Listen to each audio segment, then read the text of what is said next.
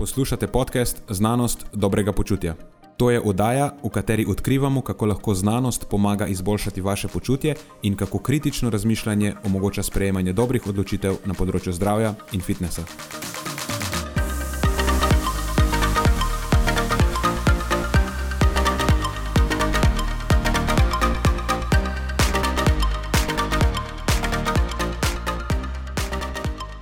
Pozdravljeni, z vami smo Nenad in moj sovoditelj Matjaš. V tokratni epizodi se na začetku najprej sprehodimo po meji sprejemljivega z mojim mnenjskim vložkom o trenutno aktualnih cepivih. Osrednji del epizode pa je namenjen najprej že spet flavonoidom, ki hitro postajajo eno mojih najljubših področji v prehrani. Potem Matjaš predstavi vpliv omega-3 maščobnih kislin na mišično maso, moč in zmogljivost pri starejših.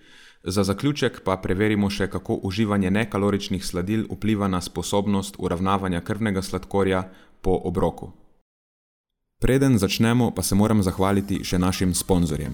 Zaenkrat to še vedno ni velika korporacija, temveč zvesti poslušalci, ki nam izkazujete zaupanje in podporo s prijavo v našo člansko skupino Znanost dobrega počutja. Hvala vsem, ki s tem držite luči prižgane in omogočate podkastu, da raste in postaja še bolj kakovosten. Hvala tudi vsem, ki nas podpirate s pozitivnimi komentarji in visokimi ocenami, ter s tem, da priporočate podcast svojim znancem in prijateljem. Zdaj pa je končno čas za začetek epizode. Uživajte ob poslušanju.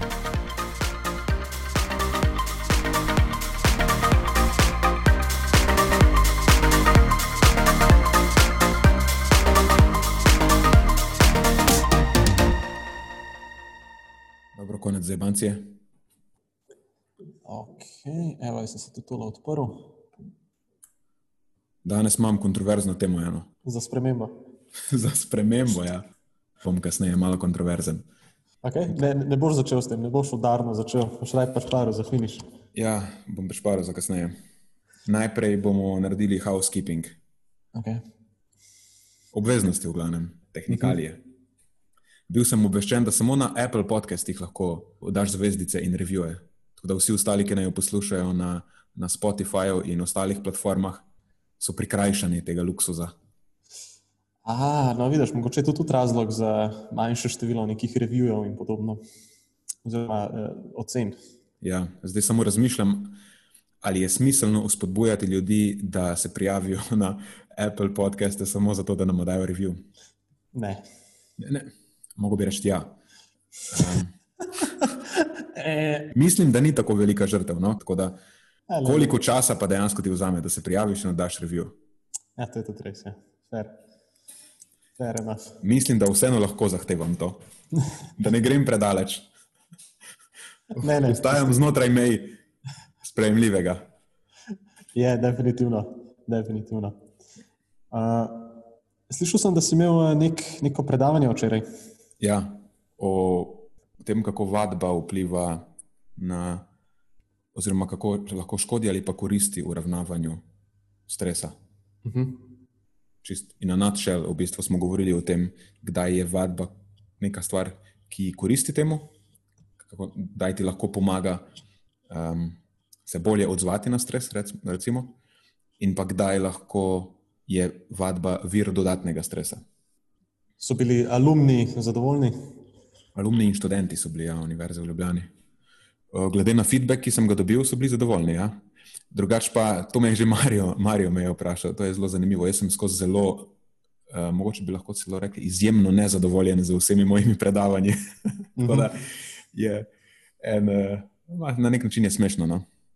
In potem v bistvu sem skozi jezen, ko mi nekdo reče, da je bilo v redu. Mislim, da ti si imel eno tako izkušnjo z mano. Ja, ja, doskrat. doskrat. Enad bi ti z veseljem rekel, da je bilo za noč, ampak me nažalost ni bilo na predavanju. Slušal sem eno drugo predavanje o nutrigenetiki in nutrigenomiki. A, kje pa? Vezano na faks. A, ok. In kaj si ugotovil? A, nič kaj pretresljivo novega, iskreno. To je, to je taka tema, meni osebno malo v, v oblakih vse skupaj. Sej, sej veliko vemo, da, da ne bom komu stopil na kakšen žul, ampak toliko enih stvari, ki jih še ne vemo, pa ne moramo podajati nekih specifičnih smernic na podlagi tega. Da, ja, se pravi, malo v oblakih vse skupaj. Uh -huh. še ena stvar, ki jo moramo povedati, da ne spet ne pozabiva obletnice, ker, oziroma se ne obletnica, ampak je obmesečnica. Devet mesecev je star podcast. Do zdaj so vedno pozabila. Mislim, da so za pol leta pozabila, za tri mesece so se mogoče celo spomnila. Ampak zdaj je pa devet mesecev, to pomeni tri četrt leta. Razbil si tradicijo pozabljanja. ja. Pa moram Ja, začeti. ja noč čestitam. Čest, čestitam Ja, tudi jaz tebi čestitam. Virtu, virtualni handshake. Ja. Tako da to je po mojem, kar se tiče eh, housekeepinga. Fus sem pričakoval, da bo bolj vesela ta priložnost, pa da bodo neke. Moje zdaj o- underwhelming je vse skupaj. No? Le bom naredil malo bolj eh, posebno, ko prideva do enega leta. prav. Takrat pa mislim, da se zadeva res zasluži nekaj. Pa to si boš ti zapomnil, ok? Bom, bom. Imam v koledar si bom dal, šampanc bom prinesel, vse. Takrat mogoče že dejansko lahko boš eh, prenesel. Lahko, mogoče bi lahko v živo pol posnela, veš skupaj. Dejansko, ja, se strinjam. Ali pa dejansko v živo, a si predstavljaš, najameva eno dvorano in povabiva ljudi. Mogoče, mogoče en tak Ja. ja. Joe Rogan moment, variant. V glavnem, dajte se prijaviti na Apple podcaste, dajte nam review, dajte nam zvezdice ali pa zvezdico. Um, in v tem duhu, pogovarjal sem se prejšnji teden z Juretom, eh, našim Patreonom, z njim imamo dostkrat kako zanimivo debato, eh, čistko na prijateljski ravni, bi se temu reklo. Um, in eh, nane, nanesla je beseda na, na cepljenje, ki je zdaj tako aktualna stvar. Tako da imam en rent na to temo, ki me teži, ali lahko se temu tako reče. Moram, moram olajšati dušo zdaj. In eh, mogoče zdaj tej rubriki razmišljam že dlje časa, lahko bi mogoče rekli, ne vem, kontroverznost, ker, ker to vem, da bo pritisnilo kupenih. ne, bo, ne bo padlo lahko, marsikomu se mi zdi, to, kar bom zdaj povedal. Ampak to je bil tudi en razlog, zakaj sem se odločil povedati, ker je namreč Jure eh, pripomnil, da mogoče pa končno bom zdaj dobil kak negativen review, pa eno zvezdico, če to povem.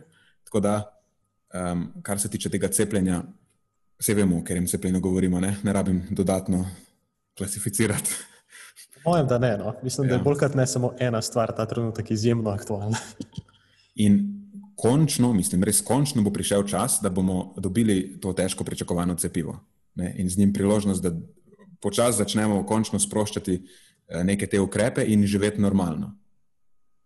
In človek bi si mislil, vsaj jaz sem si mislil, da glede na ves žolč, ki je bil izlit v zvezi s temi ukrepi za um, omejevanje posledic epidemije, zdaj v nekih primerjih je to bilo najbrž upravičeno, v drugih spet ne. Uh, ampak da se ne zapletem v kako politično past na tej točki.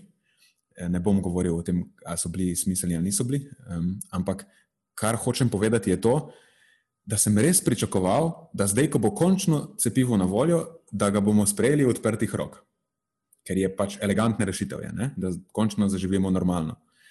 In tudi potencijalna nevarnost te intervencije um, je, ampak res zelo nizka, vse vse tako kaže. Ampak ne, ni se zgodilo, nismo ga očitno pripravljeni sprejeti v odprtih rok.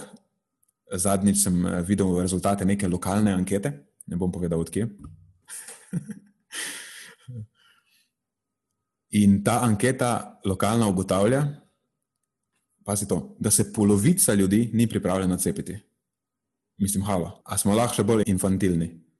Ne bi imeli ukrepov po eni strani, in po drugi strani ne bi imeli cepive. Mi- Mislim, kaj bi pa imeli potem? Bi pa živeli normalno. Veš, kaj me spominja, me vse skupaj na tistega majhnega otroka, ki pred eh, blagajno tečnari za kinder jajčko, ja, ampak hoče reči samo kinder jajčko, in potem pač mu mama itak ne kupi kinder jajčke. On že zmeraj hoče kinder jajčko, pade v tantrum, se začne metati po tleh, in edino, kar ga lahko reši, je, da mu kupiš kinder jajčko. In ne bo nehal, tudi če mu kupiš neko drugo čokoladico, on hoče kinder jajčko in bo traumiral, dokler ne dobi kinder jajčke. No, to so ljudje, ki imajo zdaj končno možnost, da zaživijo normalno življenje, ampak nočejo. Nočejo pa zato, ker rešitev ni točno takšna, kot so si oni zamislili. Torej, da bi sprostili ukrepe in končno zaživeli normalno, sem brez obzira na vse potencijalne hude posledice. Ker to je očitno za njih edino sprejemljivo. To je edino, na kar so pripravljeni pristati. Ampak, nažalost, realen svet ne funkcionira tako. Ne, ne moreš imeti vsega, kar si želiš, ne glede na posledice. Ne moreš imeti normalnega življenja, dokler je velik delež populacije še vedno občutljiv za nek um, slab razplet te koronavirusne bolezni. In realno je cepivo pač elegantna rešitev. Je, Tudi če obstaja neka minimalna nevarnost za neželen odziv na cepivo, za kar v bistvu ni nekih dokazov, ampak recimo, da je pozabavati to možnost, da je reči, recimo, da obstajajo neki negativni učinki, ki se bodo kasneje pokazali. Še vedno se mi zdi cepljenje elegantna rešitev. Ker kar se mene tiče, je to neka minimalna žrtev posameznika, potem za dobro celotne družbe. In dejansko je naša dolžnost, da mogoče sprejmemo to žrtev, da lahko potem živimo v neki sodobni, um, visoko razviti, demokratični družbi. Ne, ker kakorkoli pač imamo marsikaj zapovedati čez to, kako je politično Slovenija urejena, pa gospodarsko pa drugače. Vse je življenje v Sloveniji, um, zelo podobno, tako kot kjerkoli drugje v recimo, razvitem demokratičnem svetu, zelo lepo. Ni, ampak ta stvar ni samo pravica, ampak je privilegij. Ker lahko bi bili rojeni kjerkoli drugje na svetu, bi pol rad videl, koliko bi imeli takrat zapovedati. No, in tako kot vsak privilegij, se mora tudi ta privilegij vzdrževati z nekimi dožnosti in obveznostmi. Ker ko bomo enkrat končno pozabili na to, da moramo za ta privilegij tudi nekaj narediti, um, potem bomo v bistvu izgubili ta privilegij, ne? pa bo naša družba razpadla in bomo živeli v ne več razvitem in v neurejenem svetu. Uh, predvsej preprosto je to. No? Obstajajo določena pravila, vsi jih upoštevamo, zato da stvari delujejo tako, kot morajo. Da imamo elektriko, da teče čista voda iz pipe in vse te ostale stvari, ki jih v bistvu jemljemo za uh, zelo samoumevne ampak v resnici niso samoumevne. Ampak zahtevajo od nas, da jih vzdržujemo z določenimi žrtvami na svoj račun. Recimo, da spoštujemo zakone.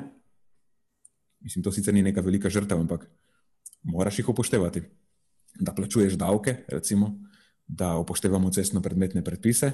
Ne? Naša svoboda je, um, pri, prikrajšani smo zato, da se lahko vozimo vse povsod 120 km/h, pač čez skozi naselje se ne moreš. Ampak to so vse precej take majhne žrtve. Nekoč so bile te žrtve precej večje, nekoč so morali ljudje luksus življenja v svobodni družbi braniti celo z življenji. Um, recimo v drugi svetovni vojni. To zgodbo sicer lahko obrneš na ciničen način, zakaj so ljudje umirali v drugi svetovni vojni, ampak um, po moje je čist pravilno, če rečemo, da so v drugi svetovni vojni ljudje dejansko umirali točno zato, ker so sprejeli dožnost, da z življenji branijo privilegiji življenja v svobodni družbi. Pojavil se je en velik sovražnik eh, svobode, recimo nacistična Nemčija in sodelavci. Um, in se je cel svet mobiliziral, da je pač branil privilegij življenja v svobodni družbi ampak mi pa se ne bi cepili, zato ker, zato ker pač, ker dobrega razloga dejansko itak nimamo, da se ne bi. Malo se mi vse skupaj zdi res neodraslo, no? ta odnos. Mhm. Tako da, kar se mene tiče, vidim zelo elegantno rešitev na tej točki. To je zdaj tisti kontroverzen del. Oziroma, to je vrh kontroverznosti tega zdaj. Vsi, ki želimo še naprej uživati privilegije razvite in svobodne družbe, bomo pač sprejeli to žrtev in se bomo cepili tudi če obstajajo neke potencialno eh, neželene posledice, za katere zdaj še ne vemo. V vsakem primeru te posledice niso zelo hude, najbrž, oziroma skoraj zihar niso, ker bi se pokazale do zdaj že, če bi bile. No, mi se bomo pač cepili. Um, rizične skupine, seveda, recimo vem, nosečnice, pa imunokompromitirani ljudje, pa drugače bolni, pa vse to, so izuzeti, normalno, to se upošteva. Ampak vsi ostali, ki pa smo lahko upoklicani, pa se bomo pač cepljena udeležili. In bo stvar rešena. In stvar ni obvezna, ni obvezna. Cepljenje lahko odkloniš. mislim, ni tehnično obvezna. Cepljenje lahko odkloniš. Ampak s tem, ko, ga, um, ko ti odkloniš uh, obveznost služenja s cepljenjem, ti lahko potem tudi družba neke privilegije odkloni. Ne? In nimam absolutno, mislim, meni se zdi to kar dober, uh, dobra vzpodbuda. Če se ne cepiš, potem pač ne moreš k zdravniku. Ne? Se to zate itak ni problem, ker itak mu ne zaupaš. Tako da to, da ne moreš k zdravniku, absolutno, očitno zate ni problem. Ampak ne moreš tudi v šolo, ne? pač tam bodo odcepljeni otroci in oni, ki so izuzeti. Ne moreš pol ti tudi tja, če nisi, oziroma ne moreš otrok pošiljati tja, če nisi pripravljen sprejeti nobene žrtve. Ne? ne moreš jih poslati vrtec, ne moreš delati v skupini ljudi, mislim. Se ne potrebuješ eh, civilizirane družbe. Pej v gost delati nekaj po svoje. Ne moreš v trgovino, pač ne moreš, lahko naročiš po spletu. Pač to je, lej, to je moj predlog, meni se to zdi, zdi zelo smiselno. Ker če ne moreš sprejeti ene majhne žrtve za dobro vseh drugih, potem pač tudi vsi ostali nimajo absolutno nobene dožnosti, da ti karkoli dobrega vračajo. Mislim, to je pragmatična rešitev, po moje. In sploh pa cepivo ni nevarno, no, pač sam ni. Mm. Ker če bi bilo res kako tveganje za resen okuten zaplet, pa bi to zdaj že se ugotovilo. Če pa obstajajo kakšni manjši, neželeni učinki, pa je to v bistvu v veliki sliki nerelevantno. Um, ker kar se je zgodilo, je zgodila se nam je naravna katastrofa. In ko se nam zgodi naravna katastrofa, potem pač vsak od nas mora sprejeti neko žrtev. Če bi bil potres, potem bi bila tudi naša življenja na nek način, na, nek, na neke načine bi bili pač prikrajšani in bi mogli te žrtve sprejeti. No, zdaj se nam je zgodila neka druga naravna katastrofa, in spet pač moramo sprejeti um, to žrtev, da moramo biti na nek način prikrajšani, oziroma sebe moramo za nekaj prikrajšati, mogoče tudi za malo svojega zdravja, kaj jaz vem. Zato, da bomo lahko čim prej znova uh, funkcionirali, kot smo bili vajeni prej. In vse skupaj spet je zelo smešno, če primerjaš, um, kakšna je ta dejanska žrtev um, in kakšne so bile nekoč v nekih drugih obdobjih žrtve eh, ljudi, ki so morali dejansko dati svoje življenje za to, da so vzdrževali privilegij v življenja v boljši družbi, kot je nekje, bila nekje druge na svetu. Ne. Mi pa zdaj ne bi tvegali enega dneva vročine in bolečo roko. Po mojem, lahko zaključim tukaj zdaj. Dobro, ne, to... Mislim, da si eh, upravičil si ta kontroverzen začetek. Ker če to ni vredno, zdaj, če, če to ni vredno, kakšne ene zvezdice, pa, pa res ne vem. Drugače se. Eh, Ponoma se strinjam s tabo in ravno iz teh razlogov sem že oddal svojo vlogo za prijavo interesa za cepljenje. Jaz sem jo oddal prve pol ure, ki je bila objavljena. Ja, verjamem. Ja. Takoj sem vse sem odložil in sem oddal vlogo.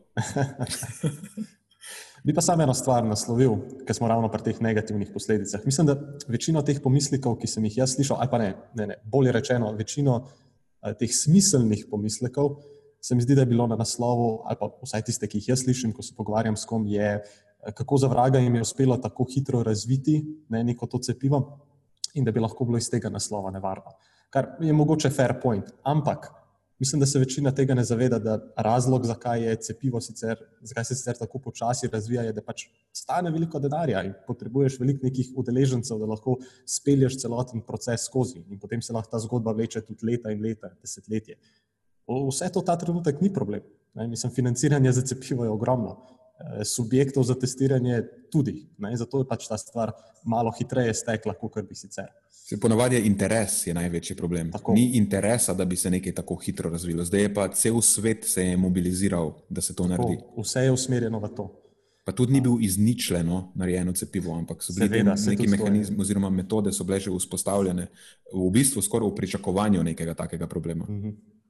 Tako da ni bilo glih from the scrap ali pa from the scratch, ali kako rečejo. Ja, ni se začelo to delati takrat, ko se je sama epidemija začela, ampak je že prej. prej. Se v idealnem svetu bi zadeva trajala malo dlje, mogoče. Ampak spet moramo biti pragmatični. Ne, ne moramo zdaj gledati, kaj je idealno, ampak kaj je dovolj dobro v tej situaciji in kakšne žrtve smo dejansko pripravljeni sprejeti.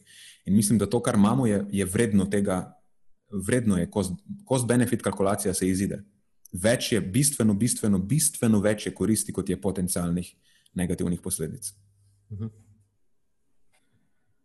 Dobro, bom mi dva zdaj preklopila na malo, na malo lažje teme, če še kdo posluša slučajno. Lahko je. Ja. zavimo iz kontroverznih tem. No, ali pač, v bistvu ne vem, kaj imaš danes namenil, menati. mogoče je spet kaj tazga kontroverznega. V bistvu imam eno stvar, že tretjič zapored bom govoril o eni in isti stvari. Ampak sem enostavno moral. Flavonoli? ne, tokrat se bom lotil flavonoidov na splošno, ampak so tudi flavonoli omenjeni. O, čakaj, zdaj si pa šel čist nekam drugam. ne, ne, to je bilo vse. Kdaj je bilo to? Pred tremi epizodami so bili, mislim, da je bila prospektivna kohorta, ne? ta Framing and Offspring study. Je bila o flavonoidih, tako da zelo sorodna stvar, samo na drugi kohorti. Ma ne bom preveč časa, ne bom preveč časa v tem zgubljal. To je ena stvar, imam dve, imam pa še nekalorična sladila. Ja, no, vidiš, to pa je lahko zelo kontroverzno. mogoče. Okay. Pa mogoče, če si že začel s temi flavonoidi. Ma lahko, ja, na primer, te flavonoide grem čez. Se ne bom zgubljal preveč časa, ker smo o tem že dosti krat govorili, ampak mi je res zanimivo, koliko novega je v zadnjem času na to temo dejansko skoraj vsak teden vidim kak naslov. A zato te je ta tema tako prevzela v zadnjem obdobju? Prevzela me je zato, ker vidim potencial o vplivu flavonoidov na zdravje, na splošno pa predvsem na zdravje možganov. Predvsej dosledne so neke ugotovitve. Tako da skozi, ko vidim to, pre, preberemo vsaj abstraktno. Ponavadi grem pa tudi dejansko čez raziskavo. In v tem primeru se je to zgodilo, pa se mi je zdelo vredno jo na hitro povzeti, pač zakaj pa ne. Um, v tem primeru gre za raziskavo na eni italijanski kohorti. To so Godos in sodelavci, oziroma Godosova in sodelavci eh, 2020, precej tako sveža raziskava je spet, mislim, da je dva tedna stara, nekaj takega. Objavljena v Biomolecules, to je en, ena revija od teh eh, MDPI, kaj so Multidisciplinary Digital Publishing Institute, to je Nutrients pa um, te žurnali, ki so open source tako da lahko vsak prebere. V glavnem gre za presečno raziskavo, da ni spet neka rigorozna znanost na 808 odraslih v južni Italiji iz eh, okrožja Katanja, če je to kakorkoli relevantno. V glavnem gre za raziskavo o povezavah vnosa flavonoidov s prehrano in kognitivno funkcijo na tej italijanski kohorti. Dnevni vnos flavonoidov so ocenili z vprašalniki o pogostosti uživanja živil, to je ta Food Frequency Questionnaire, FFQ. Včasih ga pač se ga vlači po zobeh, ker se govori, da te stvari niso zelo natančne, kar dejansko drži, niso zelo natančne, ampak z določenimi metodami se da nenatančnost teh stvari zaeziti. No. In v tem primeru je ta vprašalnik, ki so ga bili ki so ga uporabili tukaj, bil validiran na podobni populaciji v Siciliji. Pomeni, da je bil preverjen tudi z drugimi oblikami vprašalnikov, eh, ponavadi s food diary in, in s takimi stvarmi, bolj natančnimi, pa s tehtanjem se tudi, tudi to eh, preverja. Tako da lahko rečemo, da je pač ta food frequency questionnaire v tem primeru vsem relevanten. Sploh, ko delaš tako neko epidemiološko raziskavo, ne moreš vsakega posebej spraševati, kaj vsak dan je. Ne? Moš biti pragmatičen. Mm, ne, ne, drugače. Ja. Mislim, da neki taki dnevniki, pa FFQ-ji so edina, edina opcija. Ja. In so čist dovolj dobri. No, včasih se kdo najde, ki potem, ja, pa vse, kar uporablja te vprašalnike, je za nič, pa v bistvu ni resno. To lahko reče nekdo, ki ni, ni zelo podrobno bral o epidemiologiji prehranski. V glavnem, da spet ne zaidem.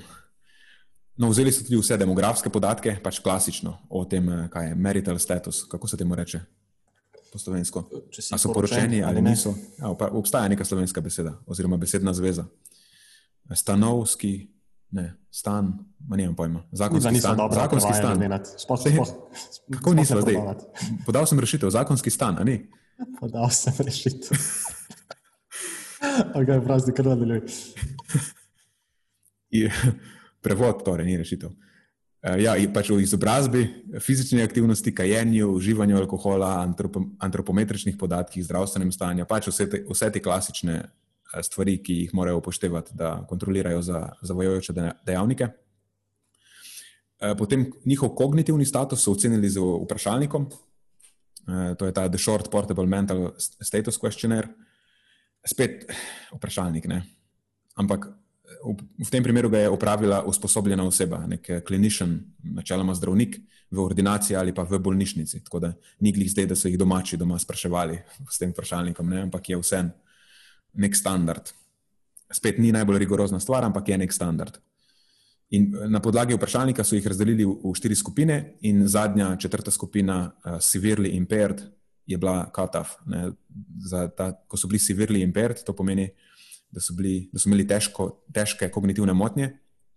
Uh, pač to je bil cut-off, to se je štelo da, kot kognitivna motnja v tem primeru. Ne, tudi, ko so potem primerjali obete, um, so primerjali, koliko jih je imelo to težko kognitivno motnjo.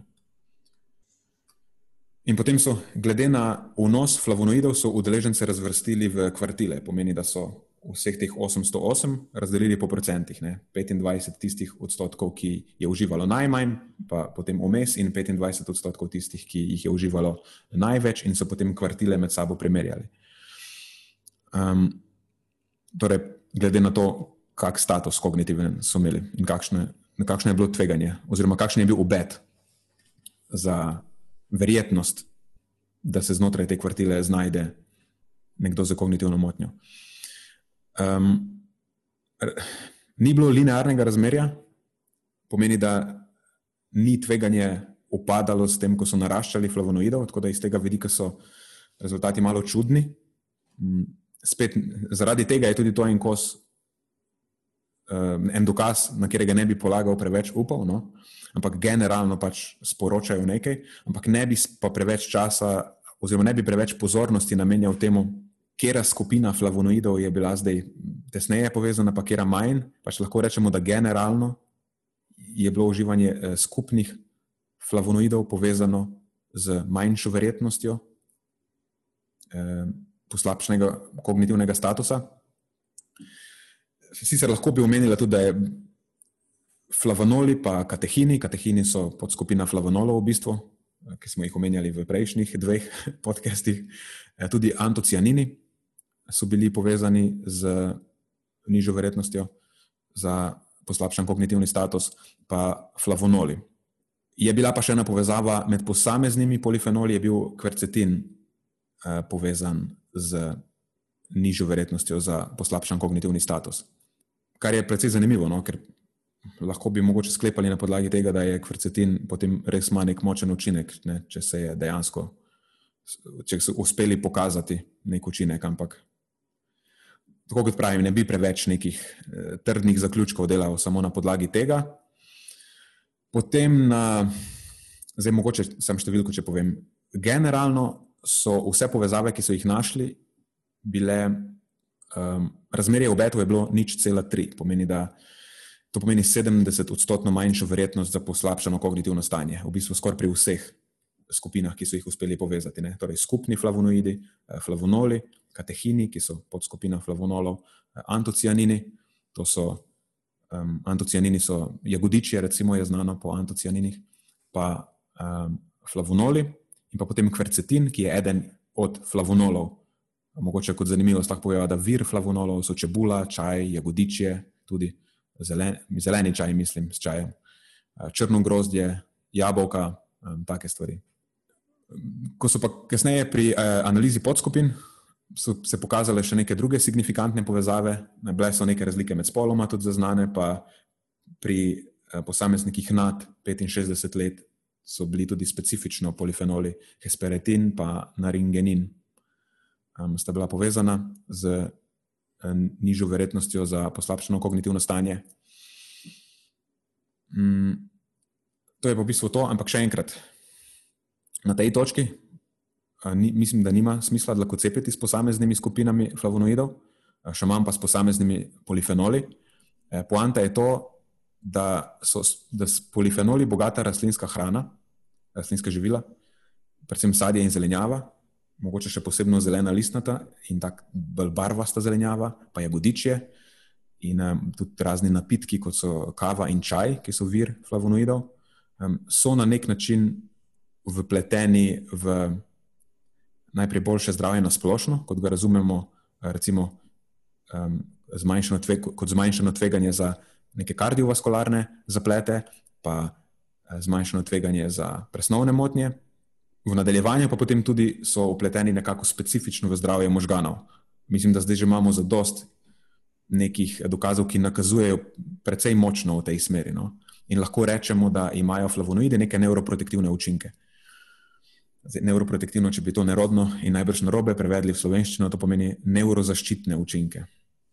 In mo, spet kot zanimivost, mogoče lahko povem še to, da možn, možnih mehanizmov je več, kako bi lahko prišlo do teh učinkov. Pogosto se izpostavlja ta, da flavonoidi modulirajo sistemsko vnetje in oksidativni stres, pa potem s tem prispevajo k vzdrževanju normalne presnove v možganih, predvsem med staranjem, ko načeloma se ta uh, poslabšuje. Mm, predvsem pomembno v tem pogledu je vzdrževanje robustnosti presnove glukoze v možganih. Um, ta pogosto potem pada tudi s starostjo, pa sploh z nekimi recimo hipometabolizem glukoze, ne, motena presnova glukoze v možganih, je povezana tudi z neugodnim življenjskim slogom, recimo na splošno, ne samo s starostjo. Potem v drugem koraku, to so zdaj že spet v prejšnjih dveh omenjala, da flavonoidi najbrž vplivajo na funkcijo užilja v pozitivnem smislu in potem preko tega izboljšajo dobavo kisika in glukoze v možgane, Um, možno je pa tudi, da obstajajo neki drugi ugodni učinki flavonoidov, ki izvirajo iz uh, produkcije in biološke aktivnosti metabolitov flavonoidov, um, ki nastajajo v črvesju. V tem primeru, recimo, številne flavonoide eh, presnavlja ali pa v narekovajih aktivira mikrobiota in so pač upleteni v to os črvesja, mikrobioma in možganov, um, ki tudi očitno igra neko pomembno vlogo pri delovanju in zdravju možganov. In še nekaj, kar se bo najbrž pokazalo, da je pomembno, je to, da določeni metaboliti teh flavonoidov lahko prehajajo krvno-možgansko bariero in potencialno bi lahko imeli tudi direkten učinek na delovanje nevronov.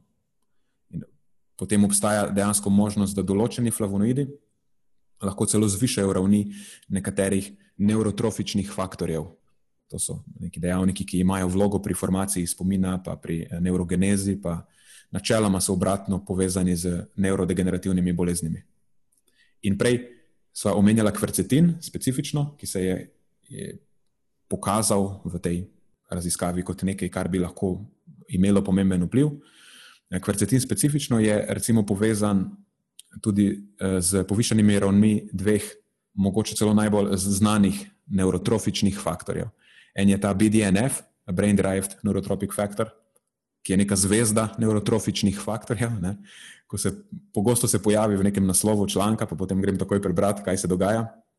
Sicer zgodba tega BDNF-a je precej zanimiva, pa mogoče je malo njegova vloga, vsaj v nekem kauzalnem smislu, prenapihnjena. Um, ni glih tako, da čim so povišene ravni BDNF-a, da je to super duper za možgane. Um, v glavnem za ta BDNF velja, da ima zelo pomembno vlogo pri neurogenezi. In potem je še drug, ki je eh, NGF, Nerve Growth Factor, ki je tudi pomemben neurotrofični faktor. Pa mm, recimo, da lahko poenostavljeno rečemo, da je vpleten v eh, regulacijo rasti in preživetja nevronov. In ti podobni učinki so načeloma poročani tudi za katehine in antocianine. Tako da na tej točki resno začenjam razmišljati, da bi svojemu obveznemu dnevnemu vnosu borovnic dodal tudi črni čaj oziroma zeleni čaj. Ali neko obliko pravega čaja, ker tega nisem imel navade piti. Ampak zdaj na podlagi vsega tega, kavo imam že pokrito, kakao imam pokrit, jagodiče imam pokrito, zdaj samo še čaj manjka. Zelena zelenjava je pokrita. Moram reči, da je zeleni čaj pri meni tak uh, staple že zelo dolgo časa. Ej, še enkrat moram spromovirati tisti uh, feel good napitek, iz prejšnje epizode. 9 gramov kakava plus par sto gramov jagodičja plus merica proteina. Ja, to je to. To je to. Feel good approved. Ne? Ja, bo dala neko super ime, razumeš? ja, že se navezuje na zdravje možganov, moramo izumiti neko ime. Ja, Feel ja. good, neuroprotektivni, kognitivni booster shake. Brain power, bo, bo, bo. Pol, nehava s snemanjem, mislim, da lahko malo. Pa brainstormala, ja. Tako je, ja, tako. Spijeva en ta shake, pa z brainstormava dobre ideje. In zdaj, ker je že to, ne vem, če je tretjič, tretjič ali četrtič zapored, mislim, da Big Blueberry, če posluša to, lahko bi naj jo sponzorirali, Big T, tudi odprta so za kakršno koli sodelovanje. Vse te industrije povezane z flavonoidi. Ja, jaz sem odprt. Mi dva so tukaj. To je bilo fantastično. Uno na začetku pa itak, mislim, a posluša kdo iz farmacevtske industrije, lahko bi naj sponzoriral kot vaxfluencerja. Sva zelo naklonjena tej ideji.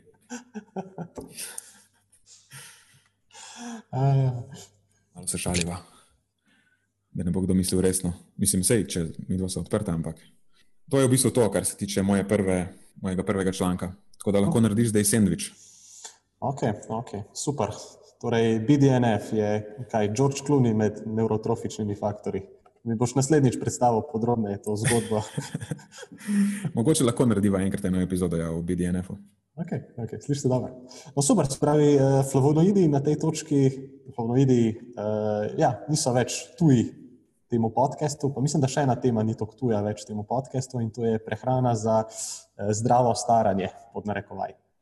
In mislim, da je to kar z razlogom, ne, zato ker nam je mar po eni strani za, za nas in za našo dolgoročno prognozo, če lahko rečem, in uh, za naše starše, oziroma stare starše. Pa se mi zdi, da se malo premalo govori o teh stvarih tudi mi bomo enkrat v tej poziciji in mislim, da bi bilo dobro, da pridemo do te točke v nekem najboljšem možnem stanju, oboroženi z vsemi najnovejšimi informacijami, s katerimi razpolagamo iz znanosti.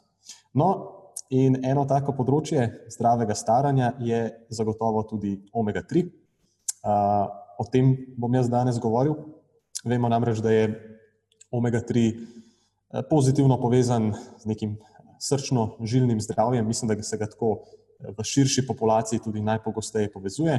Ampak omega-3 je veliko več kot zgolj to, pod narekovaj, in ima lahko pozitiven vpliv tudi na mišično-skeletno zdravje in s tem na eh, zmanjšanje pojavnosti tega naravnega opada mišične mase, moči eh, skozi leta, ki je znana kot sarkopenija. Slednja namreč prizadene nezanemrljiv delež starejših in lahko Eh, močno poveča možnost prezgodnje smrti na račun nekih pacov oziroma poškodb, ali pa v najboljšem primeru nekako zmanjša funkcionalno neodvisnost nekega posameznika. Oboje je seveda nezaželeno in karkoli lahko storimo zopr temu, še posebej, če je tako simpel kot pojej malo več rib ali pa vključi to relativno poceni in relativno varno prehransko dopolnilo, je po mojem mnenju super zadeva. Tako da Pejmo na to današnjo temo, torej omega-3. Gre se za meta-analizo uh, Huang in sodelavcev, ki je išla decembra letos, torej tudi zelo taka sveža zadeva, uh, komaj deset dni stara, če se ne motim, ki je preučevala ta vpliv omega-3 na uh, mišično maso, mišično moč starejših in uh, povezujejo nekako te pozitivne vplive omega-3, oziroma predpostavlja se, da imajo omega-3 nekako pozitiven učinek na to mišično-skeletno zdravje, primarno preko dveh poti. Eno je nek direkten vpliv na skeletne mišice, kjer potem poveča mišično moč in mišično maso, in ima to posledično pozitiven vpliv na funkcionalnost.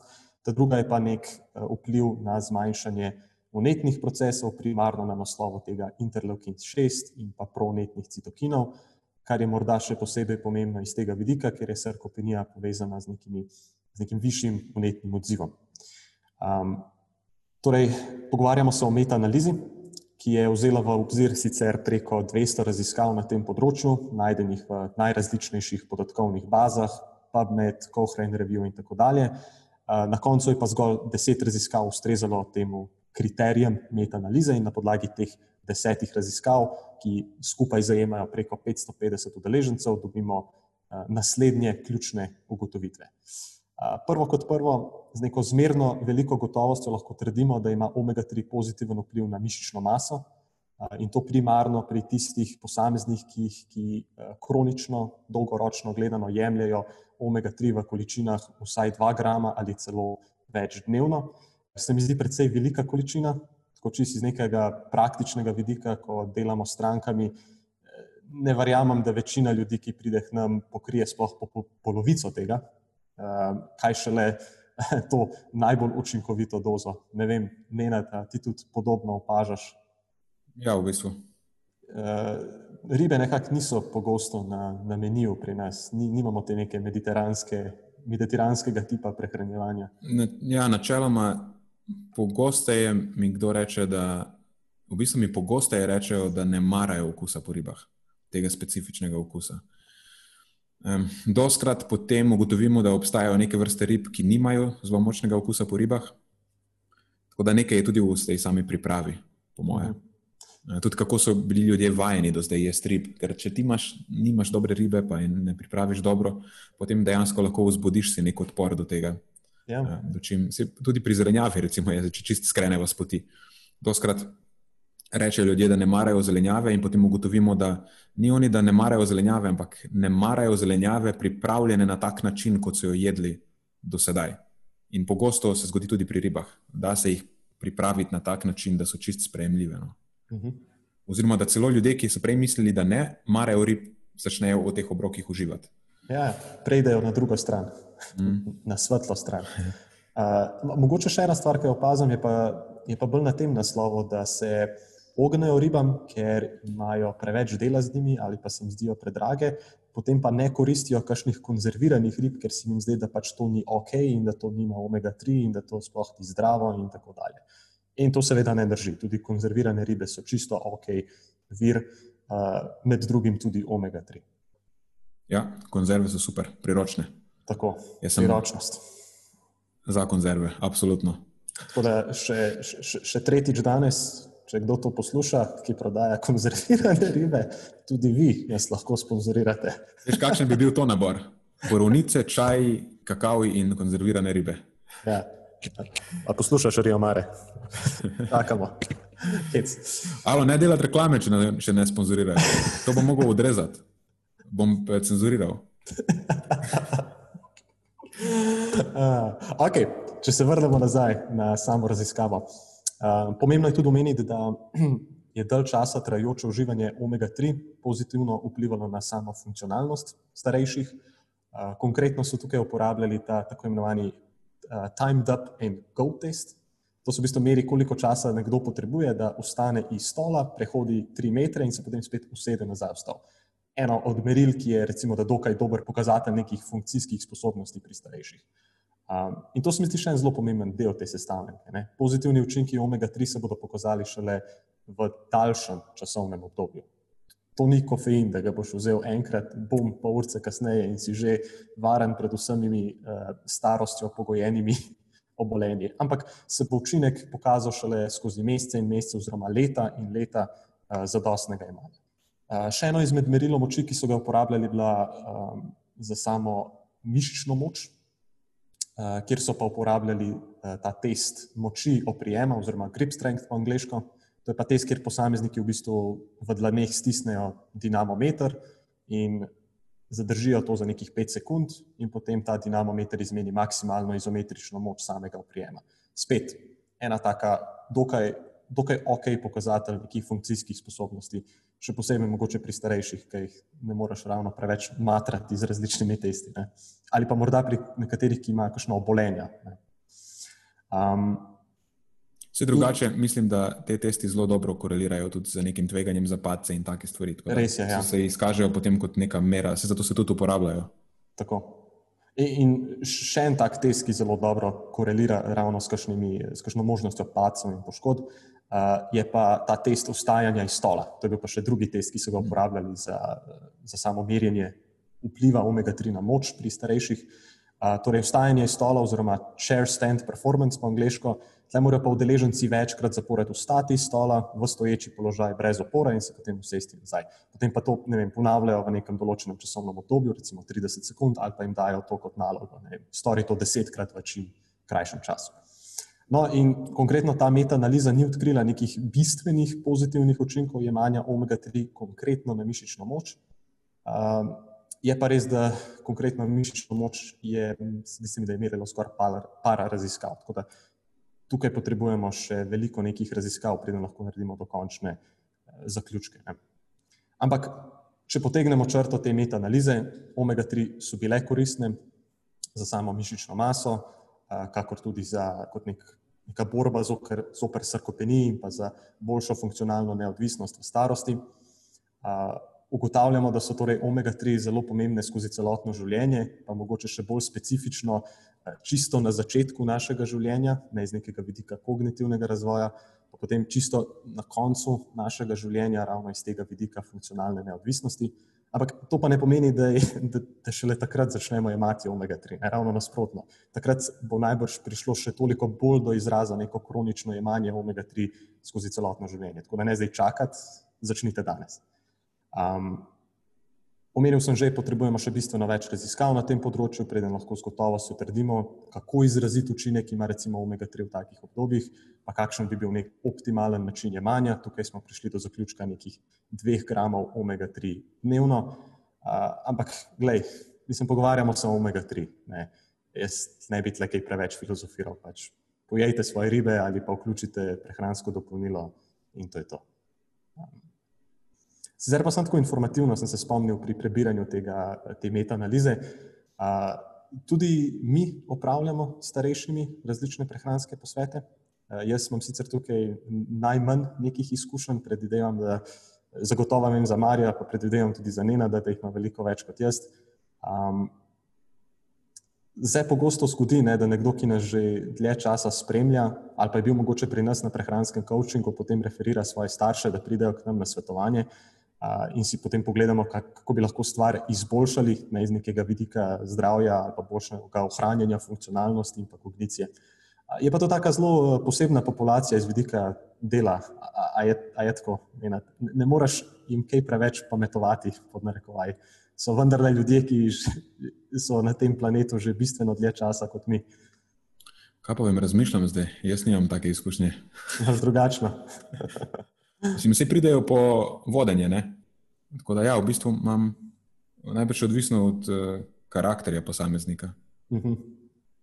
Jaz sem imel tako izkušnjo do tega trenutka, spet omejene izkušnje, sem bolj športnik, ampak da mogoče še bolj do izraza pride samo to, vse nikomor ne pametujemo v končni fazi. Ne, sej, no, pa, pa vsi, ki pridejo k nam, pridejo že z nekim. Uh, Mislim, so pripravljeni poslušati, mm. večina vsaj njih je, ne, se sicer ne bi stopila v to sodelovanje. Uh, Ampak mislim, da tukaj še bolj do izraza pride to, da, se, da poskušaš nekomu nekaj približati, kaj bi bilo optimalno za njega, z nekimi minimalnimi spremembami tega, kar je ta oseba že vajena in najbrž dela že vrsto let, desetletja.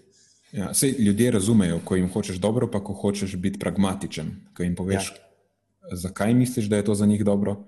Um, sej, že v, v osnovi, ne spoh, če vidijo, da jim dejansko hočeš pomagati.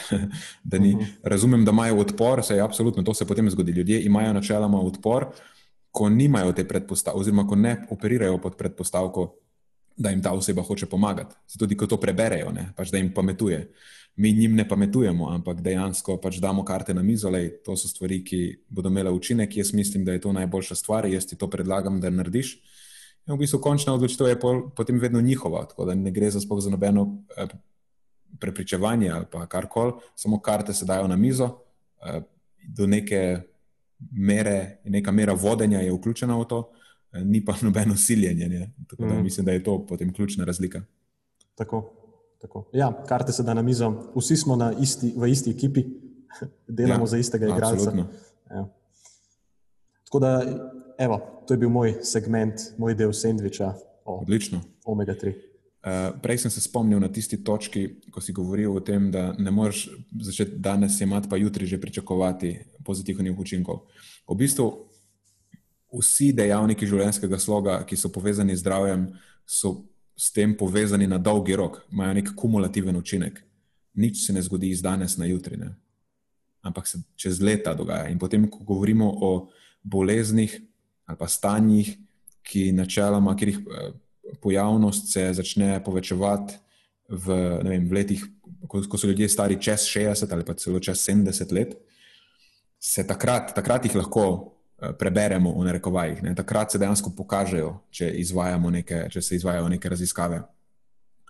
In načeloma potem je tudi potrebno te ljudi spremljati par let predtem, da se sploh uh mhm. -huh. lahko to ugotovi. Ni dovolj, da jih spremljamo eno leto. Uh, Tako da je bolj pravilno na to gledati, kot recimo, da imaš obdobje vsaj desetih let in koliko časa znotraj teh desetih let uspeš zadevati neke svoje cilje. Zdaj lahko so prehranski, lahko so gibalni, lahko so spalni. Vse, kar pač spada pod ta dežnik slog, dejavnikov življenjskega sloga, ki so upleteni v, v zdravje. In ja, Ja, koliko, klukic, povedal, koliko klukic narediš skozi deset let, to je samo važno. Ja. Ni Važno, kaj počneš danes ali pa jutri. Imamo pa ljudje ponovadi malo drugačen pristop pri teh stvareh. Ne? Gledamo zelo kratkoročno, na dnevni bazi, mogoče ja. Ja. na tedenski bazi, kaj šele na letni bazi. Ojoj. A se na tej točki potem pridemo do tistega problema, uh, kjer osredotočanje na neke cilje, pa eh, takoj vidne rezultate, je zelo frustrirajoče, ker se pri prehrani in vadbi rezultati skoraj nikoli ne vidijo iz danes na jutri. In mora oseba najti neko mero zadovoljstva v tem, da dela kljukce deset let, kar je neka posebna veščina, v bistvu, potem mora biti za strani tega, ki ta proces vodi, ne, da dejansko v sebi vzbudiš že samo to zavedanje, kasneje pa tudi potem dejansko veselje do tega, da so kljukce pomembne, no? da uživa v delanju kljukic, ne toliko v samih rezultatih, da je pot bolj pomembna kot cilj. Tako je. Kar Da se zveni v zelo- tem procesu. Uu in filozofsko, ampak pač tako je. Pač tako je. Ja. Ja. Ok. Umetna sledila? Umetno sledila, ja. Alright. Prej Kaj, si rekel, nam, kaj si nam pripravil? Glih sem razmišljal, da to je res ena taka zimzeleno kontroverzna tema. Sploh nisem razmišljal o tem, pre, preden, preden si povedal. Ja, ne Ja, vem, gre za metaanalizo. tako Kontroverzno naravnan pred pripravo tega. Pa ne vem, kar se tega tiče, ni bilo, ni bilo namerno. Samo zanimivo se mi je zdelo, ker je popularna tema. Gre za metaanalizo randomiziranih, kontroliranih raziskav, uh, tistih, ki so preverjali vpliv, akuten, akuten vpliv na glikemijo in inzulinemijo uh, po zaužívanju nekaloričnih sladil. Nekalorična sladila, to so tiste, ki jim ljudje rečejo umetna sladila. Ampak je to izjemno nenavadno poimenovanje. Niso umetna, ampak so nekalorična, ker nimajo kalorične vrednosti. Včasih so precej naravna, v bistvu. Eh, Avtori članka so Grayling in sodelavci 2020. Se na neki točki, po mojem, dva lahko nehava govoriti te letnice, ker so vse v bistvu aktualne. Um, članek je bil pa objavljen v The American Journal of Clinical Nutrition in tako kot eh, rečeno, ukvarja se z temi nekaloričnimi sladili. Um, imam občutek, da zdaj, ko sem razmišljal malo, da imajo ljudje nek skoraj prirojen odpor, očitno, do, do teh nekaloričnih sladil. Kljub temu, da obstaja neka precej stroga regulacija na tem področju, se še vedno zelo pogosto domneva o nekih škodljivih učinkih nekaloričnih sladil. Ja, zdi se mi, da je postala neka taka ustaljena, uh, ustaljeno prepričanje bilo, z bilo kom, ki se pogovarjam. Ne, pač umetna sledila so samo, samo slabo, uh, beži stran od tega. Ali pa da jim morda okus ni všeč. No? To je pa neka, ti dve stvari se jaz srečujem običajno. Ja. Okus je res nenavaden, treba se je navaditi na njega. Če hočeš to nekomu prodati kot sladkor, pač ne moreš, ker ne vem, če sem kdaj probal že kako nekalorično sladilo, ki je imelo tako okus kot sladkor. A si ti probal? Pf, Ne, naj, najbrž je eritritol še daleč najboljši približek, pa še to je. Pa še to je zelo daleč. Ja, to je zelo daleč. Ampak ok, v bistvu tema je vpliv na regulacijo krvnega sladkorja.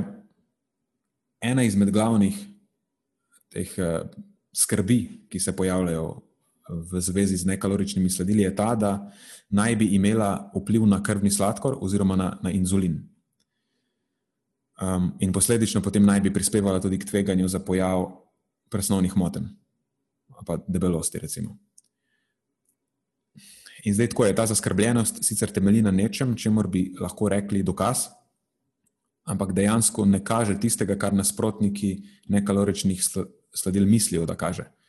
V epidemiologiji se včasih pojavi povezava med uživanjem nekaloričnih sladil in debelostjo ali pa presnovnimi motnjami, ampak to je samo povezava, ki najbrž ni vzročna. Nobenega dokaza ni, da bi bila vzročna ker obstaja enaka ali pa še večja možnost, da je vzročnost obratna. A torej, ljudje, ko so enkrat pretežki, predebeli, oziroma ko želijo zajeziti simptome presnovnih motenj, potem začnejo pogosteje posegati po nekaloričnih sladilih. In zdaj na tej točki sicer lahko debatiramo o tem, to je recimo legitimna kritika, ki bi jo lahko utemeljili na tem dokazu. Lahko debatiramo torej o tem, ali nekalorična sladila sama po sebi eh, so dejansko efektivna strategija za eh, boj proti debelosti in presnovnim motnjam, ali pa niso. In zdaj, moje mnenje je, da v bistvu niso sama po sebi, brez drugih prehranskih prilagoditev. Samo to, da nekdo zamenja sladkana živila za, za sladkorjem, ne, oziroma z nekim kaloričnim sladilom, za nekalorična sladila, začnejo ljudje kompenzirati. No? Lahko se to zgodi. Mm, zdaj, nek učinek definitivno bo, tudi samo od tega, ampak vprašanje je, če bo učinek zadosti velik, da se bodo zadeve res začele premikati v pravo stran.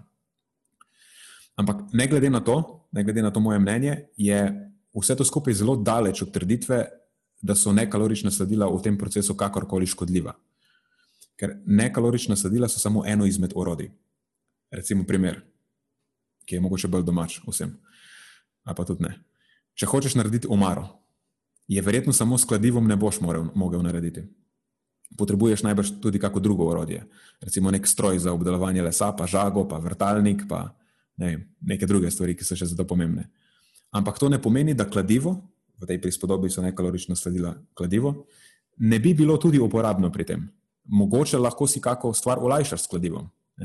Pač samo s kladivom ne moreš ničesar narediti, ampak to še ne pomeni, da kladivo v tem procesu tudi ni uporabno na nek drug način. Um, tako da nekalorična sledila v procesu uh, uravnavanja energijskega vnosa ali pa zmanjševanja energijskega vnosa res niso obvezna oprema, so pa lahko uporabna stvar. In zdaj to vse seveda velja, če eh, pri tem ne ovirajo oziroma nimajo negativnih učinkov na presnovno regulacijo. Ali v tem primeru, v specifično na uravnavanje glukoze v krvi. To, da imajo nekalorična sladila direktno učinek na glukozo in inzulin, je v bistvu bilo demonstrirano, ampak pri modelnih živalih, na gledalcih, večinoma. Eh, tam nekalorična sladila stimulirajo prebavne in eh, neke sistemske mehanizme, ki so odzivni na sladkobo in na glukozo. Da, v narekovajih, v podomače, karikirano lahko rečemo, da eh, pre, prebavila zaznavajo to glukozo in se pač odzivajo na to, podobno kot bi se odzvala, če bi prišlo kalorično sladilo, v manjši meri. Ampak pri gledalcih In vse to skupaj je še zelo daleč od tega, da bi bilo kakorkoli relevantno tudi pri ljudeh. Ker če želimo ugotoviti, kako nekalorična sladila vplivajo na regulacijo glukoze v krvi pri ljudeh, potem pač potrebujemo intervencijske raziskave na ljudeh in imamo te intervencijske raziskave, ki so vključene v to metaanalizo, ker to je metaanaliza randomiziranih kontroliranih raziskav, ki so preverjale akutne učinke nekaloričnih sladil na postprandialno glukozo, pa postprandialni inzulin. To po domače pomeni na glukozo in inzulin v krvni plazmi po obroku, oziroma po zaužitem sladilu, če so zaužívali samo sladilo. Vključitvenim kriterijem v to metaanalizo je ustrezalo 26 člankov, um, skupaj je to bilo 34 uh, rezultatov za glukozo in 39 rezultatov za inzulin. Uh, bilo je vključenih v raziskave 452 udeležencev, 6 do 31 na raziskavo, pač manjši vzorec, ker, bila, ker so bile intervencijske raziskave, tesno nadzorovane. Um, starost vseh udeležencev je bila med 18 in 66 let, tako da precej raznovrstna skupina. Pa so bili, vključene so bile raziskave tako na vidkih posameznikih, kot tudi pri tistih z debelostjo, brez bolezenskih stanj, ostalih, razen debelosti, in pa pri diabetikih. In rezultati, ki nas najbolj zanimajo, Eh, sama primarna metaanaliza ni ugotovila nobenih signifikantnih učinkov nekaloričnih sladil na postprandialno glukozo ali postprandialni inzulin. Torej, nič se ni zgodilo dejansko. Um, potem nadaljna metaregresija ni ugotovila signifikantnih učinkov niti za, um, glede na izhodiščne ravni glukoze ali inzulina, torej niti pri ljudeh, ki recimo so imeli izhodiščno više ravni glukoze, to je v krvni plazmi na tešče. Um, in pa tudi odmerek sladil je bil nerelevanten. Torej, tudi večji odmerki niso imeli. Uh, ni, ni bilo razlike med vplivom večjih odmerkov v primerjavi z manjšimi odmerki. Edina zanimivost je ta, da je analiza podskupin ugotovila statistično značilno razliko v odzivu postprandialne glukoze med zdravimi ljudmi in diabetiki. Ampak da je v gibej, kakšna je bila razlika? Minimalna. Ne, v kateri smeri je šla? A ja, v kateri smeri je šla. Uh, ja, glede na to, da je bilo presenetljivo, mislim, da te je rezultat presenetil, potem je najbrž šla v smer diabetikov. Ja, ampak ok. Pri, pri diabetikih so nekalorična sladila znižala krvni sladkor. Medtem ko pač pri zdravih ni bilo opazne spremembe. Tako da dejansko, mhm. glede na to, da imajo diabetiki probleme s previsokim eh, sladkorjem, bi lahko mogoče to ovrednotili celo kot pozitivno. Ampak ja, razlika je bila majhna. Um, je pa tudi še ena stvar, ki jo moramo izpostaviti, ta, da ni bilo razlik uh, niti pri tem, ali so bila nekalorična sladila uživana brez drugih hranil, torej kot samo napitek nekaloričnih sladil v primerjavi z recimo vodo, in niti kot, ko so bila uživana kot del obroka. Ker v nedavno so je bilo objavljeno nekaj raziskav, ki so nakazovale na to, da uživanje nekaloričnih sladil v kombinaciji z drugimi hranili, sploh z ugljikovimi hidrati, uh, naj bi imelo negativen vpliv. Tako da masa raziskav, um, ki so bile vključene v metaanalizo, ne kaže tega. Obstajajo sicer posamezne raziskave, ki nakazujejo v to smer, ampak jih je malo. In to je v bistvu to, kar se tiče te metaanalize. In to je v bistvu tudi to, kar se kar se tiče vsega, kar imamo za danes pripravljeno.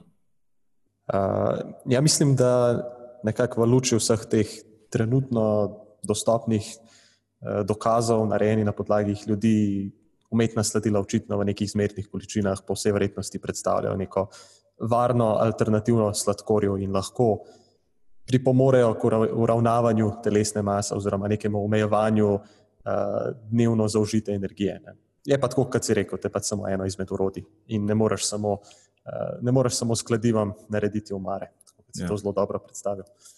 Dejansko, kar je, je potrebno pa... poskrbeti, je to, da potem ta zmanjšan vnos sladkorja na račun tega, da je zamenjan z nekaloričnimi sladili, ni pokompenziran kasneje z nečim drugim, ker to se rado zgodi. Ne? Naši mehanizmi za vzdrževanje telesne mase so precej robustni in če mi to enačbo spremenimo v eni spremenljivki, potem ponavadi želi zadeva vzdrževati vrednost, eh, končno vrednost te enačbe enako, in potem se spremeni, spremeni neka druga spremenljivka. Ne? Mhm. In je pač potrebno poskrbeti, potem, da so vse ostale stvari standardizirane in da res minus prihaja samo, ne, da dejansko imamo potem eh, net minus na račun tega, da uživamo manj energije iz uh, naslova dodanih sladkorjev. Tako, se strinjam tem pa predvidevam, da smo prišli proti koncu te epizode. Ja, mislim, da bomo morali zaključiti, ker tudi tvoja povezava je začela šepati. Mislim, da je izmučena. Oh, očitno, očitno ima dovolj najnega blebetanja. Očitno, ne, ne vem, to je jasen znak. no, uh, čeprav, če se prav spomnim, že iz prejšnje epizode si omenjal neko, neko vprašanje, ali se to napačno spomnim. Veš, da nimam pojma, o čem govoriš. Ok, okay. mogoče se jaz kaj narobe zapomnil. Lahko da sem pozabil. Ampak. Dobro, evo, li, še boljše. To pomeni, da so prišli k zaključku celotne stvari. Uh, super, še ena fina epizoda, vsaj meni se tako zdela. Naj nam še poslušalci tako povedo na iTunesih. Ne? Okay, ja, ne, ne, v bistvu se reče Apple Podcast. A, Apple Podcast, pardon, ja, ja. ja, zamešal sem. Apple Podcast. Uh, dovoljene ocene so ena ali pa pet. Uh, Z obveznim komentarjem pri Enki. Z, z obveznim komentarjem pri Enki. Nenad, hvala ti za še eno epizodo in hvala poslušalcem. Ej, hvala tudi tebi in tudi z moje strani hvala poslušalcem. In...